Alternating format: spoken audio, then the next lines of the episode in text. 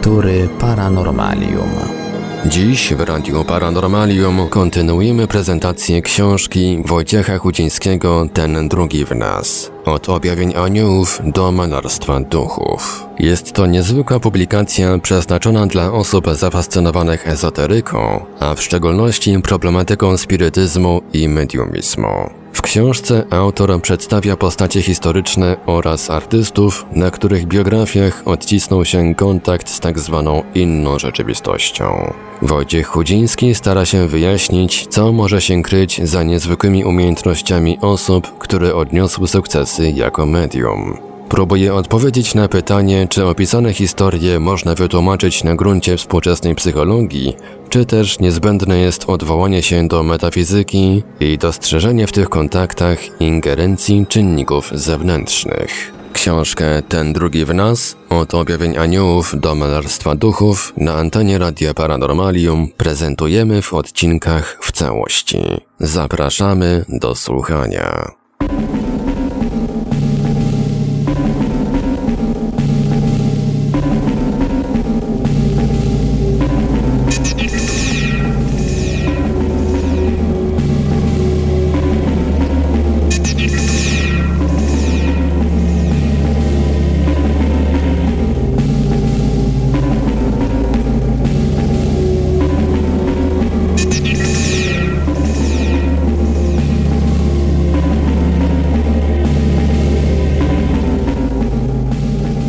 Dziwna historia Patience Worth Pearl Karen jest to jedna z najdziwniejszych historii, jakie kiedykolwiek się wydarzyły. Pewnego sierpniowego dnia 1912 roku pani Pearl Karen, żona urzędnika imigracyjnego z USA, trzymając tabliczkę Ouija, która w tym czasie stanowiła popularny przyrząd do kontaktowania się z duchami, przeczytała: Żyłam wiele księżyców temu. Powracam. Zwę się Patience Worth. Póki ty żyć będziesz, żyć będę i ja. Pearl wcześniej nie miała do czynienia ze spirytyzmem i traktowała go z przymrożeniem oka. Pełna sceptycyzmu, ale i rozbawiona, przeliterowała pytania. Kiedy żyłaś? Skąd pochodzisz? A wtedy wskaźnik dotknął cyfr, pokazując datę 1640. Nadal przesuwał się wśród znaków na tablicy, literując słowa z Anglii, z zamorza. Chciałabym, byś posłuchała nauk, jakie mogę ci przekazać. Ciągu kolejnych 20 lat Patience Worth, która okazała się duchem młodej kwakierki, utalentowanej XVII-wiecznej pisarki, zapisała tysiące stron druku, czyniąc to oczywiście ręką pani Karen. Były to powieści, sztuka teatralna, poematy oraz wiersze tworzone z zachowaniem autentycznej XVII-wiecznej kompozycji. Patience obwołano literackim cudem, a panią Karen za jedną z podyktowanych jej książek do których autorstwa nigdy się nie przyznała, uhonorowano prestiżową nagrodą Pulitzera. Dla sceptyków Pearl była uzdolnioną oszustką. Nie znaleziono jednak dowodów potwierdzających taki pogląd. Z dnia na dzień rosła natomiast rzesza jej zwolenników. Podczas spotkania zorganizowanego w St. Louis poproszono ją o ułożenie wierszy na tematy podawane przez publiczność. Spełniła tę prośbę od ręki. Przy innej okazji pewien sceptyczny naukowiec postawił przed nią tak trudne zadanie, że nawet ci, którzy w nią wątpili, wyrazili ostry sprzeciw. Otóż miała ułożyć wiersz składający się z 25 wersów, z których każdy zaczynałby się od kolejnej litery alfabetu, od A do Z z wyłączeniem X. Patience Worth ustami pani Karen niemal natychmiast zadeklamowała utwór spełniający ten warunek. Kończył się słowami tak, to twoja służka na ścieżce szaleństwa, gorliwie próbująca spełnić wolę głupca. Yeah, this servant upon the path of folly, zealously endeavoring that she follow a fool. Pearl w młodości ukończyła zaledwie 8 klas szkoły powszechnej. Jej wiedza historyczna była szczątkowa, a zainteresowanie literaturą minimalne. Wyrażała na przykład przekonanie, że tytuł poematu Alfreda Tennysona The Lady of Charlotte brzmiał The Lady of Charlotte. Grywała trochę na pianinie, przez krótki czas myślała o karierze aktorskiej. Ostatecznie zrezygnowała z tego pomysłu, gdy poślubiła Johna Carrana. Małżeństwo, które zawarła, było tak samo zwyczajne jak jej młodość. Carolanowie nie posiadali bogactw, ale żyli wygodnie. Pearl miała pokojówkę zajmującą się pracami domowymi. Czasem razem z mężem szła do restauracji lub teatru. Uchodzili za towarzyską parę. Chętnie spotykali się z przyjaciółmi, a wieczorami grywali z sąsiadami w karty. Rzadko czytali cokolwiek poza gazetą codzienną i kilkoma popularnymi periodykami. Nie mieli sposobności spotykać wykształconych pisarzy czy poetów. Byli jednak szczęśliwi i zadowoleni ze statusu klasy średniej. Popołudniami, gdy jej mąż był w pracy, Pearl umawiała się na herbatkę z matką oraz z przyjaciółką mieszkającą w pobliżu. Mówiła, że tabliczki Ouija to nudne i głupie hobby, ponieważ wskaźnik na ogół pokazuje jakiś trudny do odcyfrowania bełkot. Zmieniła zdanie po pierwszym spotkaniu mediumicznym z Patience Worth. Pani Karen nie pobierała opłat za wstęp do swojego domu, a wszystkie seanse, podczas których odzywał się duch, były przeprowadzane w jasno oświetlonym pokoju. Ze swym nieodłącznym notesem lub maszyną do pisania na podorędziu skrupulatnie notowała wszystko, co jej dyktowano. Na ogół forma przekazu była archaiczna, a w treści pojawiały się opisy dawno nieużywanych przedmiotów oraz realia sprzed ponad 200 lat. Pearl, zafascynowana odbieranymi komunikatami, zaczęła poświęcać tabliczce Witcha coraz więcej czasu. Wiadomości napływały tak szybko, że nie nadążała z ich zapisywaniem. Wtedy uświadomiła sobie, że nie potrzebuje już tabliczki, bo zdania formują się w jej umyśle niemal w tej samej chwili, w której ukazują się na tarczy. Zaczęła więc dyktować wiadomości sygnowane przez Patience każdemu, kto chciał ją słyszeć. Sama notowała odpowiedzi ołówkiem, potem zaczęła w tym celu wykorzystywać maszynę do pisania. Przez całe życie nie zapadłam na żadną chorobę poważniejszą od przeziębienia, napisała w swych wspomnieniach. Sypiam normalnie, nie mam dziwacznych obsesji, nie cierpię na bezsenność czy przymus pisania, nie miewam dziwnych zachcianek, ani pod względem umysłowym, ani fizycznym. Wykonuję prace domowe z pomocą jednej pokojówki i zazwyczaj gotuję dla sześciu osób. Patience Wolf nie opętała mnie, a moje odczucia względem niej są równie normalne, jak względem jakiegokolwiek innego przyjaciela, który odszedł za światy. Koniec cytatu. Kim zatem była Patience Worth? Podobno urodziła się w Dorset w Anglii w roku 1660. Była wieśniaczką, z wprawą posługiwała się miejscowym dialektem. W którymś momencie swego życia wyemigrowała z rodzicami do Ameryki i tam zginęła tragicznie podczas potyczki z Indianami. Uczestnicy seansów próbowali uzyskać więcej informacji na temat jej samej, ale duch kategorycznie odmawiał odpowiedzi. Pewnego dnia zebrani w salonie goście usłyszeli wczoraj umarło. Nie kłopoczcie umysłów przeszłością. W ciągu pięciu lat trwania przekazów Patience podyktowała Pearl milion sześćset tysięcy słów. Sposób, w jaki się to działo, zdumiewał jeszcze bardziej niż sam fakt automatycznego pisania. Otóż do zwyczajów Patience należało na przykład tworzenie czterech powieści naraz. Potrafiła dyktować jedną linijkę tekstu w jednym dialekcie, a następną w innym. Bardzo szybko przeskakiwała od jednego utworu do drugiego, zmuszając medium, to jest panią Karen, do maksymalnej koncentracji. Patience bulwersuje ludzi ilością swoich dzieł. Rekordowa liczba wierszy zapisanych jednego wieczoru wynosi 22. Zanotowała Pearl Karen. Aby wykazać, że nie są one jedynie bezwładną mieszaniną słów, powiem, że pan Braithwaite czyli William Stanley Braithwaite, poeta, krytyk literacki i autor antologii wierszy, przypis autora, aż pięć z nich zamieścił w swojej antologii z roku 1917, gdzie znalazły się najlepsze poezje tego roku. Koniec cytatu.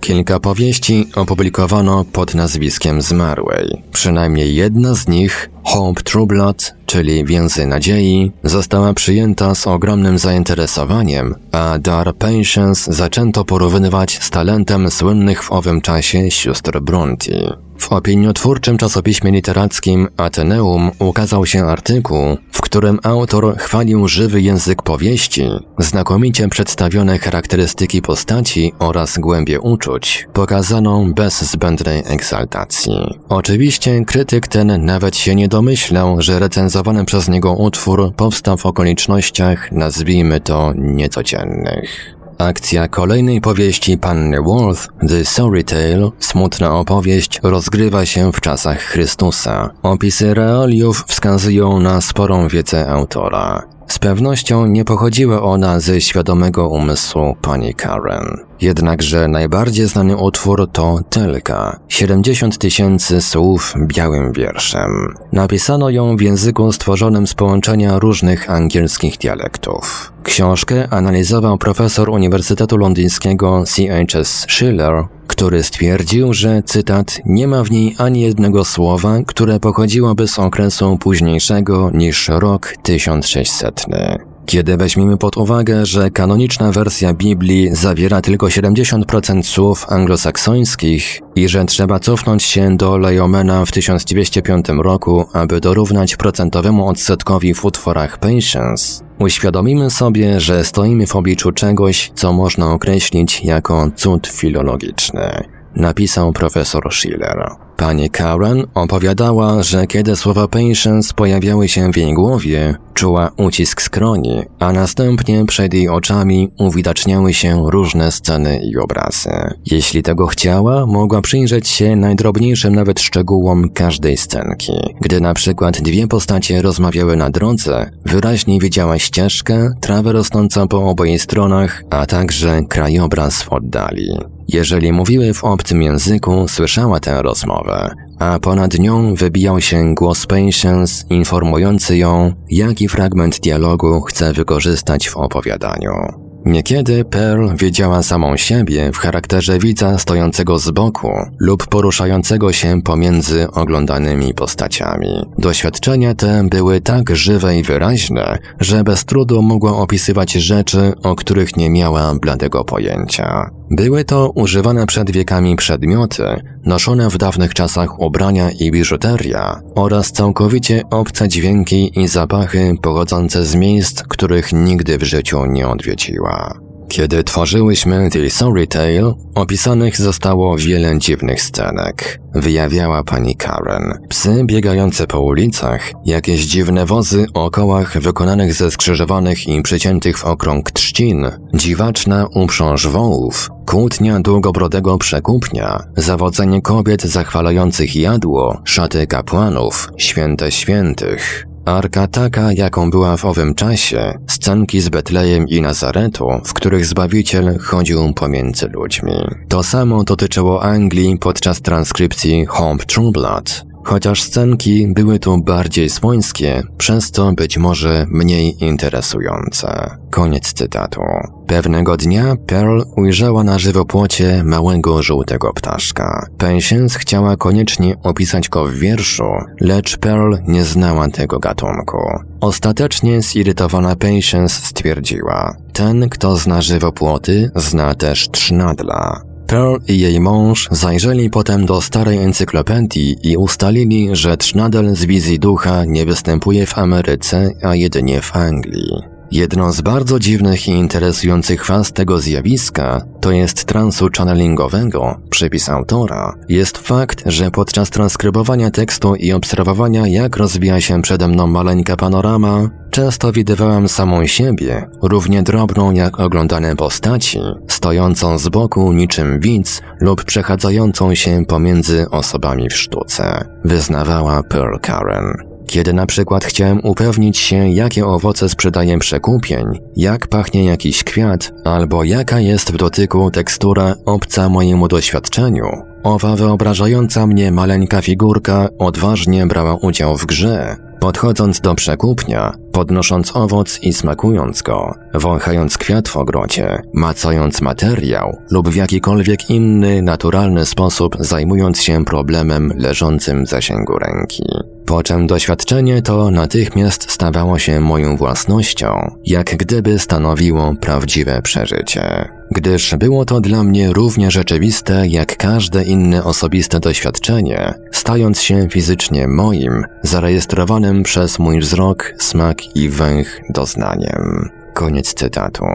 Z upływem czasu Patience zaczęła traktować panią Karen protekcjonalnie. Okazywała pogardę, choć starała się też być miła. Zdawała się myśleć, że jej ludzki pośrednik w postaci Pearl jest przygłupi i tylko dzięki własnej wytrwałości zdoła uczynić z niej sławną pisarkę. Szczególnie myśl ta narzucała się, gdy Pearl, mimo najlepszych chęci, nie udało się pojąć zasad ortografii lub też znaczenia niektórych trudniejszych słów. Jednak obie panie nadal zgodnie współpracowały, dzięki czemu powstało około 600 wierszy, pięć powieści oraz sztuka teatralna. Po śmierci męża i matki kontakty Pearl Patience były coraz rzadsze, aż w końcu ustały zupełnie. Zainteresowanie postacią utalentowanej kwakierki nieco przegasło. Demaskatorzy oskarżali Pearl Karen, że udawanie medium było sposobem na zareklamowanie własnego talentu.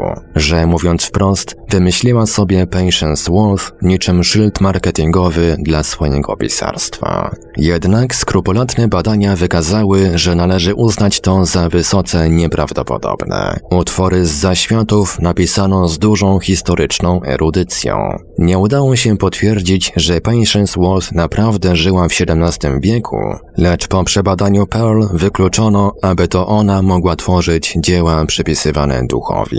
Była przecież kobietą słabo wykształconą i nie dysponowała żadną wiedzą o języku używanym przez Wolf nie wspominając już o historycznych szczegółach i tematyce, jaką się zajmowała. Co więc naprawdę przydarzyło się pani Karen i dlaczego historia ta do dzisiaj jest jedną z największych tajemnic mediumizmu? Czy jakaś istota duchowa faktycznie przemawiała do pisarki spoza grobu? A może napisane przez nią utwory były w istocie dziełem jej nieświadomego umysłu? Pearl Karen zmarła 4 grudnia 1937 roku. Globe Democrat z St. Louis zamieścił nad jej nekrologiem słowa Patience Wolf nie żyje. Jakikolwiek był więc sekret duchowej pisarki, wygląda na to, że umarł wraz z jej odejściem. Lektury Paranormalium Brat z innego kraju Chico Xavier w 2002 roku, tego dnia, gdy brazylijska drużyna piłkarska zdobyła w Japonii Puchar Świata, w wieku 92 lat zmarł Chico Xavier. Wcześniej przepowiedział, że odejdzie w dniu Wielkiego Święta, dzięki czemu żal zostanie złagodzony narodową radością. Xavier był najwybitniejszym brazylijskim medium. Urodził się 2 kwietnia 1910 roku w małym miasteczku Pedro Leopoldo w stanie Minas Gerais. Kiedy w wieku czterech lat zaczął skarżyć się, że duchy zakłócają mu spokój, ojciec zaprowadził go do miejscowego księdza. Padre Sebastiano uznał, że chłopiec jest opętany przez demona.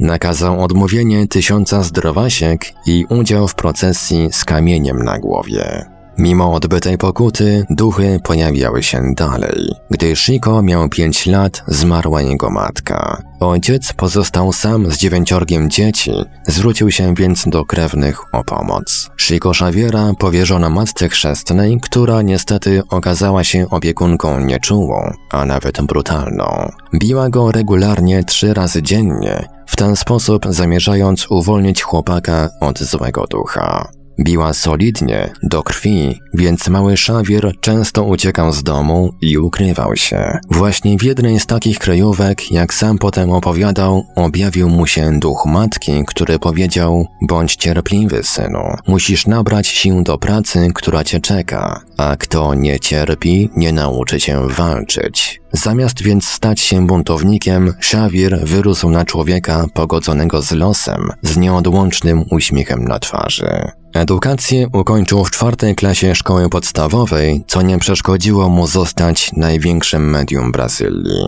Carmen Pena Peracio, członkini grupy spirytystów z Centro Espirita Luis Gonzaga, do której należał Chico, miała w tym czasie sen. młody Xavier został niemal zasypany książkami. Chłopak ujrzał w tym wskazówkę, że jego życiową misją stanie się pisanie książek. Z Emanuelem, duchem, który przez wiele lat był jego przewodnikiem, po raz pierwszy miał kontakt w 1931 roku. Podobno wcześniej był on senatorem rzymskim w Judei, a w ostatnim wcieleniu księdzem Manuelem de Nobrego, fundatorem miasta Salvador w stanie Bahia. Gdy Emanuel stwierdził, że Chico jest już przygotowany do kontaktów z tamtą stroną, rozpoczęła się niezwykła współpraca. Duch za pomocą pisma automatycznego zaczął przekazywać z zaświatów treść książek. Chociaż Shiko był osobą niewykształconą, ogółem opublikował w życiu ponad 400 tomów. Ich zawartość to w większości prace o charakterze religijnym, jednak pod dyktando duchów pisał też powieści, dzieła filozoficzne, a nawet opracowania stricte naukowe. Wydane przez Shiko książki sprzedały się w nakładzie 25 milionów egzemplarzy, a zysk został przeznaczony w całości na cele charytatywne. Sam Xavier żył ze skromnej pensji urzędnika w lokalnym departamencie brazylijskiego Ministerstwa Rolnictwa, zanim, cierpiąc na różne dolegliwości, nie przeszedł na wcześniejszą emeryturę. Pierwsza jego książka, Parnaso de Alem Tumulo, Parnas pozagrobowy, została opublikowana w 1932 roku. Tom liczył sobie 400 stron i zawierał 259 wierszy podyktowanych przez wielkich zmarłych poetów brazylijskich. W recenzjach z tej pracy można było przeczytać, że styl każdego z twórców został oddany w sposób niemal doskonały. Co ciekawe, wdowa po Umbercie de Campos, jednym z autorów, którego wiersze znalazły się w zbiorze, złożyła do sądu pozew przeciwko Xavierowi, żądając części honorariów autorskich. Sąd uznał jej roszczenia za bezzasadne. Drugim duchem, ściśle współpracującym z Xavierem, był Andre Luis. Nazwisko to uznaje się powszechnie za pseudonim słynnego lekarza Carlosa Chagasa, który w 1909 roku odkrył tak zwaną chorobę Chagasa, zwaną też trypanosomatosą. Guy Lyon Playfair, urodzony w Indiach angielski badacz, który w Brazylii spędził 20 lat, poświęcił Xavierowi wiele miejsca w swojej pracy The Indefinite Boundary, nieokreślona granica. Wspomina tam m.in. o serii książek Chico, znanych jako Nos Solar, Nasz Dom, stworzonych pod dyktando ducha André Luisa. Najważniejsze jest to, że cykl ten zawiera ogromną liczbę informacji, pisze Playfair, których Shiko nie mógł uzyskać z żadnego innego źródła. Jego edukacja zakończyła się na poziomie podstawowym, natomiast seria Nos Solar sprawia wrażenie napisanej przez osobę o profesjonalnej wiedzy medycznej, zwłaszcza anatomicznej, z ponadprzeciętną znajomością fizyki, chemii, biologii, embriologii, psychologii i historii ewolucji. Ponadto autor znakomicie, znacznie lepiej niż wielu wykształconych Brazylijczyków posługuje się językiem portugalskim. Koniec cytatu. Cykl Nasz Dom stanowi prawdopodobnie najbardziej kompletne w literaturze spirytystycznej studium na temat funkcjonowania świata duchowego. Gdyby praca ta nie została podyktowana przez ducha, byłaby obecnie uznawana za klasykę. Odnosi się to także do wielu innych książek Shiko, zwłaszcza poezji i powieści historycznych. Tym bowiem, co najbardziej zaskakuje, jest nawet nie liczba dzieł, które Xavier opublikował, a ich niezmiennie wysoki poziom artystyczny. Wkrótce potem Brazylijczyk wydał kolejną ze swych książek. Była to Evolução em dois mundos, ewolucję w dwóch światach. Tom ten stworzył do spółki z innym medium, młodym lekarzem i spirytystą o nazwisku Vieira, pracownikiem oddziału stomatologii i farmacji szpitala w miejscowości Uberaba. Interesujące jest zwłaszcza to, że Chico, pozostając w Pedro Leopoldo, spisywał jeden rozdział, podczas gdy dr Vieira trzy dni później i w miejscowości oddalonej o 250 mil notował inny. W ten sposób powstała książka składająca się z 40 rozdziałów, uzyskanych podczas sesji, które odbyły się pomiędzy 15 stycznia a 29 czerwca 1958 roku. Dopiero po ukończeniu własnej połowy dzieła Shigo otrzymał polecenie od swego przewodnika, by skontaktował się z doktorem Bieirą. Praca ta ujawnia dogłębną wiedzę w wielu dziedzinach, której żaden zwykły pisarz, a nawet doświadczony naukowiec nie mógłby zgromadzić bez czasochłonnych studiów i notatek. Należy dodać, że mimo różnicy w wykształceniu współautorów, styl całości jest jednolity. Kolejne rozdziały rozpoczynają się dokładnie w miejscu, gdzie poprzednie się zakończyły. Dwa lata później Shiko stał się bohaterem obszernego reportażu w gazecie O Globo. Ten i inne artykuły sprawiły, że o Szawierze zrobiło się głośno także poza granicami stanu Minas Gerais. Od tego czasu do miasteczka Pedro Leopoldo zaczęły napływać tłumy pielgrzymów, by zweryfikować niesamowite talenty medium. Chico nie był z tego powodu szczęśliwy. Obawiał się, że tak intensywne kontakty z wielbicielami mogą przeszkodzić w wypełnieniu jego misji. Rosnąca popularność sprawiła, że po paru latach stał się znany i kochany we wszystkich zakątkach Brazylii. Lata 30. to najbardziej produktywny okres w automatycznym zapisywaniu zaświatowej literatury. Emanuel za pomocą medium przekazał w ten sposób całą swoją wiedzę na najróżniejsze tematy z dziedzin takich jak socjologia, ekonomia, polityka, religia. Gdy w 1959 roku Xavier przeprowadził się do miejscowości Uberaba, miasteczka znacznie większego niż jego rodzinne Pedro Leopoldo, był już znany nie tylko w Brazylii, ale i za granicą. W 1965 roku Chico i dr Waldo Vieira wyruszyli do Stanów Zjednoczonych. Do Waszyngtonu przybyli 22 maja. Następnego dnia, bez wcześniejszych zapowiedzi, udali się do kościoła dwóch światów, kierowanego przez medium Gordona Burroughsa. Usiedli w ostatnim rzędzie i, nie zdradzając swojej obecności, uczestniczyli w modlitwach, śpiewach i słuchali komentarzy do doktryny. Pod koniec spotkania jedna z obecnych tam kobiet wskazała na braci z innego kraju i wyjaśniła, że przybyli oni, aby przynieść duchową odnowę i spowodować braterskie zbliżenie między dwoma narodami. Wkrótce potem, już w transie, oznajmiła, że przy brazylijskich gościach widzi dwa duchy nauczyciela i lekarza. Chodziło oczywiście o Emanuela i Andre Luisa. Chico i Waldo postanowili założyć w USA centrum spirytystyczne. W Waszyngtonie skontaktowali się z Salimem S. Haddadem i jego żoną Phyllis, których Chico Xavier poznał w Pedro Leopoldo w 1956 roku. Przewodniczącym ośrodka spirytystycznego, który otrzymał nazwę Chrześcijańskiego Centrum Spirytystycznego mianowano Salima. Siedzibą centrum stał się Dom Haddadów. Xavier był ich gościem przez trzy tygodnie. Codziennie rano najstarszy syn gospodarzy uczył go angielskiego. Po południu pałeczkę jako nauczyciel przejmowała pani Haddad, wieczorami zaś rolę tę brał na siebie Salim. Dzięki temu Shiko przez 15 dni nauczył się tyle, ile w innych okolicznościach poznawałby w ciągu całego roku. Wkrótce jednak zdarzyło się coś, co małżonków Haddad wprawiło w osłupienie. Shiko w błyskawicznym tempie zaczął bowiem pisać w doskonałej angielszczyźnie teksty, które podpisywał nazwiskiem Ernst O'Brien. Angielskie słowa płynęły spod jego pióra pośpiesznie, co Amerykanów uczących go podstaw języka wprawiło w konsternację. W artykule zatytułowanym Rodzina, O'Brien, wykorzystując pióro w ręku Chico, opisał swoje wrażenia, gdy rozstał się z tym światem. W chwili śmierci mój umysł ogarnęło straszliwe zdumienie, notował. Wbrew naszemu przekonaniu, pozostajemy żywi. Ciało wraca do królestwa nieorganicznego jako podmiot powszechnej przemiany i zdajemy sobie sprawę, że śmierć to ponowne narodziny. Koniec cytatu.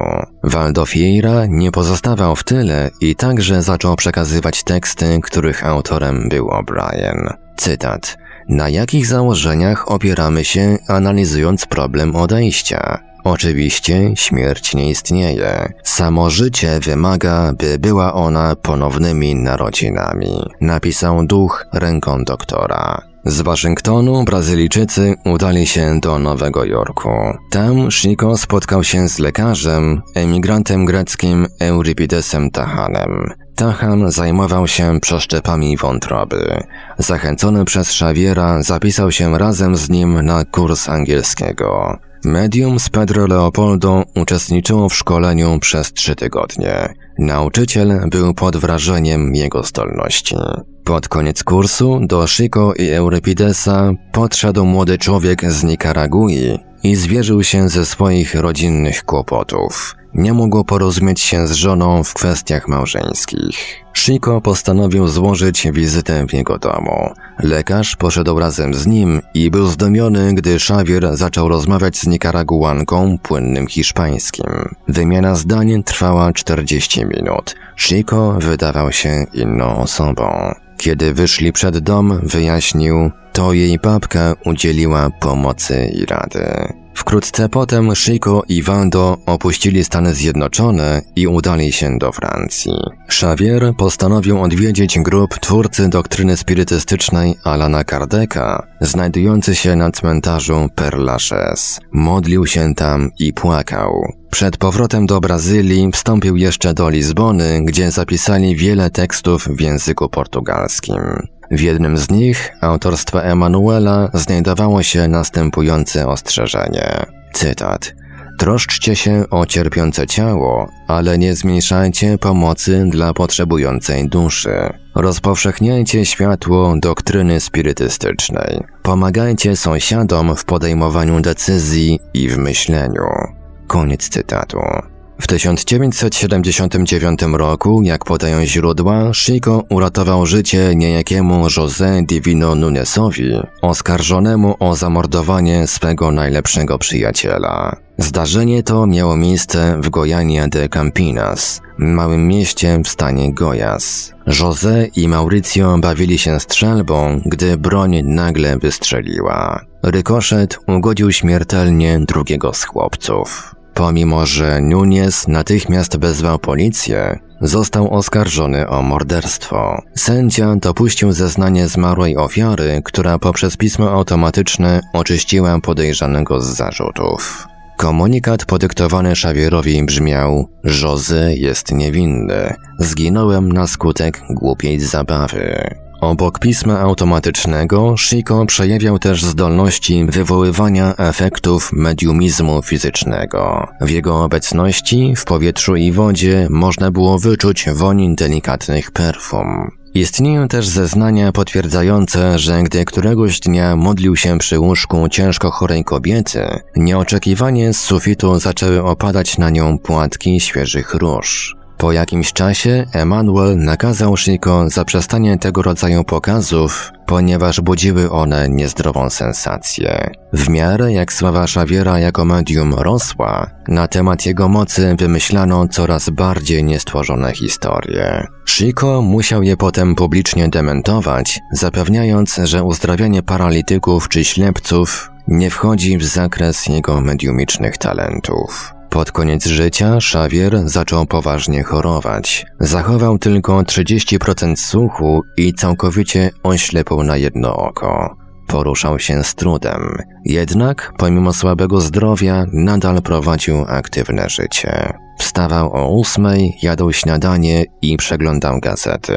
Po lunchu i sieście o piętnastej był gotowy na wizytę u swego balwierza, który nie tylko go golił, ale też przez wiele lat otaczał troskliwą opieką jego perukę. W soboty odwiedzał zwykle miejscową grupę spirytystyczną. Wtedy przed budynkiem ustawiały się kolejki ludzi przybyłych z całego kraju, mających nadzieję, że choć przez chwilę dane im będzie ujrzeć człowieka, którego czcili jak świętego. Nieistniejący już magazyn Realidade, próbując skompromitować medium, napisał, że Xavier nie ma żadnych niezwykłych zdolności, lecz regularnie pada ofiarą ataków epileptycznych. Elias Barboza, lekarz Xaviera, żywo zaprzeczył tym doniesieniom, uznając je za stek bzdur. Ataki na medium zaczęły się jednak nasilać. W Brazylii Chico stał się postacią nieomal kultową, narodową wersją Matki Teresy z Kalkuty,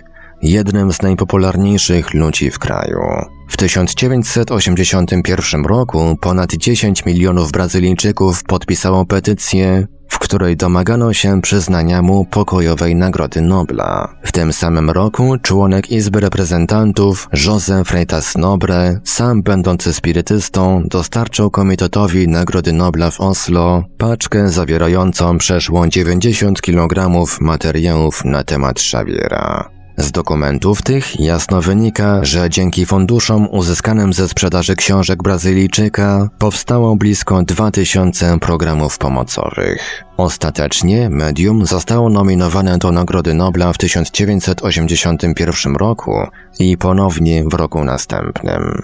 Wśród osób, które pragnęły go uhonorować, znalazł się prezydent Brazylii João Baptista Figueiredo, a także miejscowi przywódcy religijni Żydzi, Mahometanie i chrześcijanie. W ciągu dwóch dni od śmierci Xaviera pokłon przed trumną złożyło mu około 2500 Brazylijczyków. Jego bezinteresowność w praktykowaniu mediumizmu, którego pod żadnym pretekstem nie czynił źródłem zysków, może być wzorem dla każdego, kto zajmuje się kontaktami ze światem duchów. Powiedział o Xavierze Divaldo Pereira Franco, inne wielkie medium brazylijskie, a cytowany już Guy Leon Playfair napisał, cytat, Mimo popularności zyskanej przez lata praktyki, o którą nigdy nie zabiegał, Chico był człowiekiem prawie patologicznie skromnym i pokornym. Myśl o reklamie nie przyszłaby mu nawet do głowy. Kiedy jego pierwsza książka stała się sławna, odmówił nie tylko zmiany dziennego rozkładu zajęć, ale także przyjęcia jakiegokolwiek honorarium i trzymał się tej zasady do końca życia.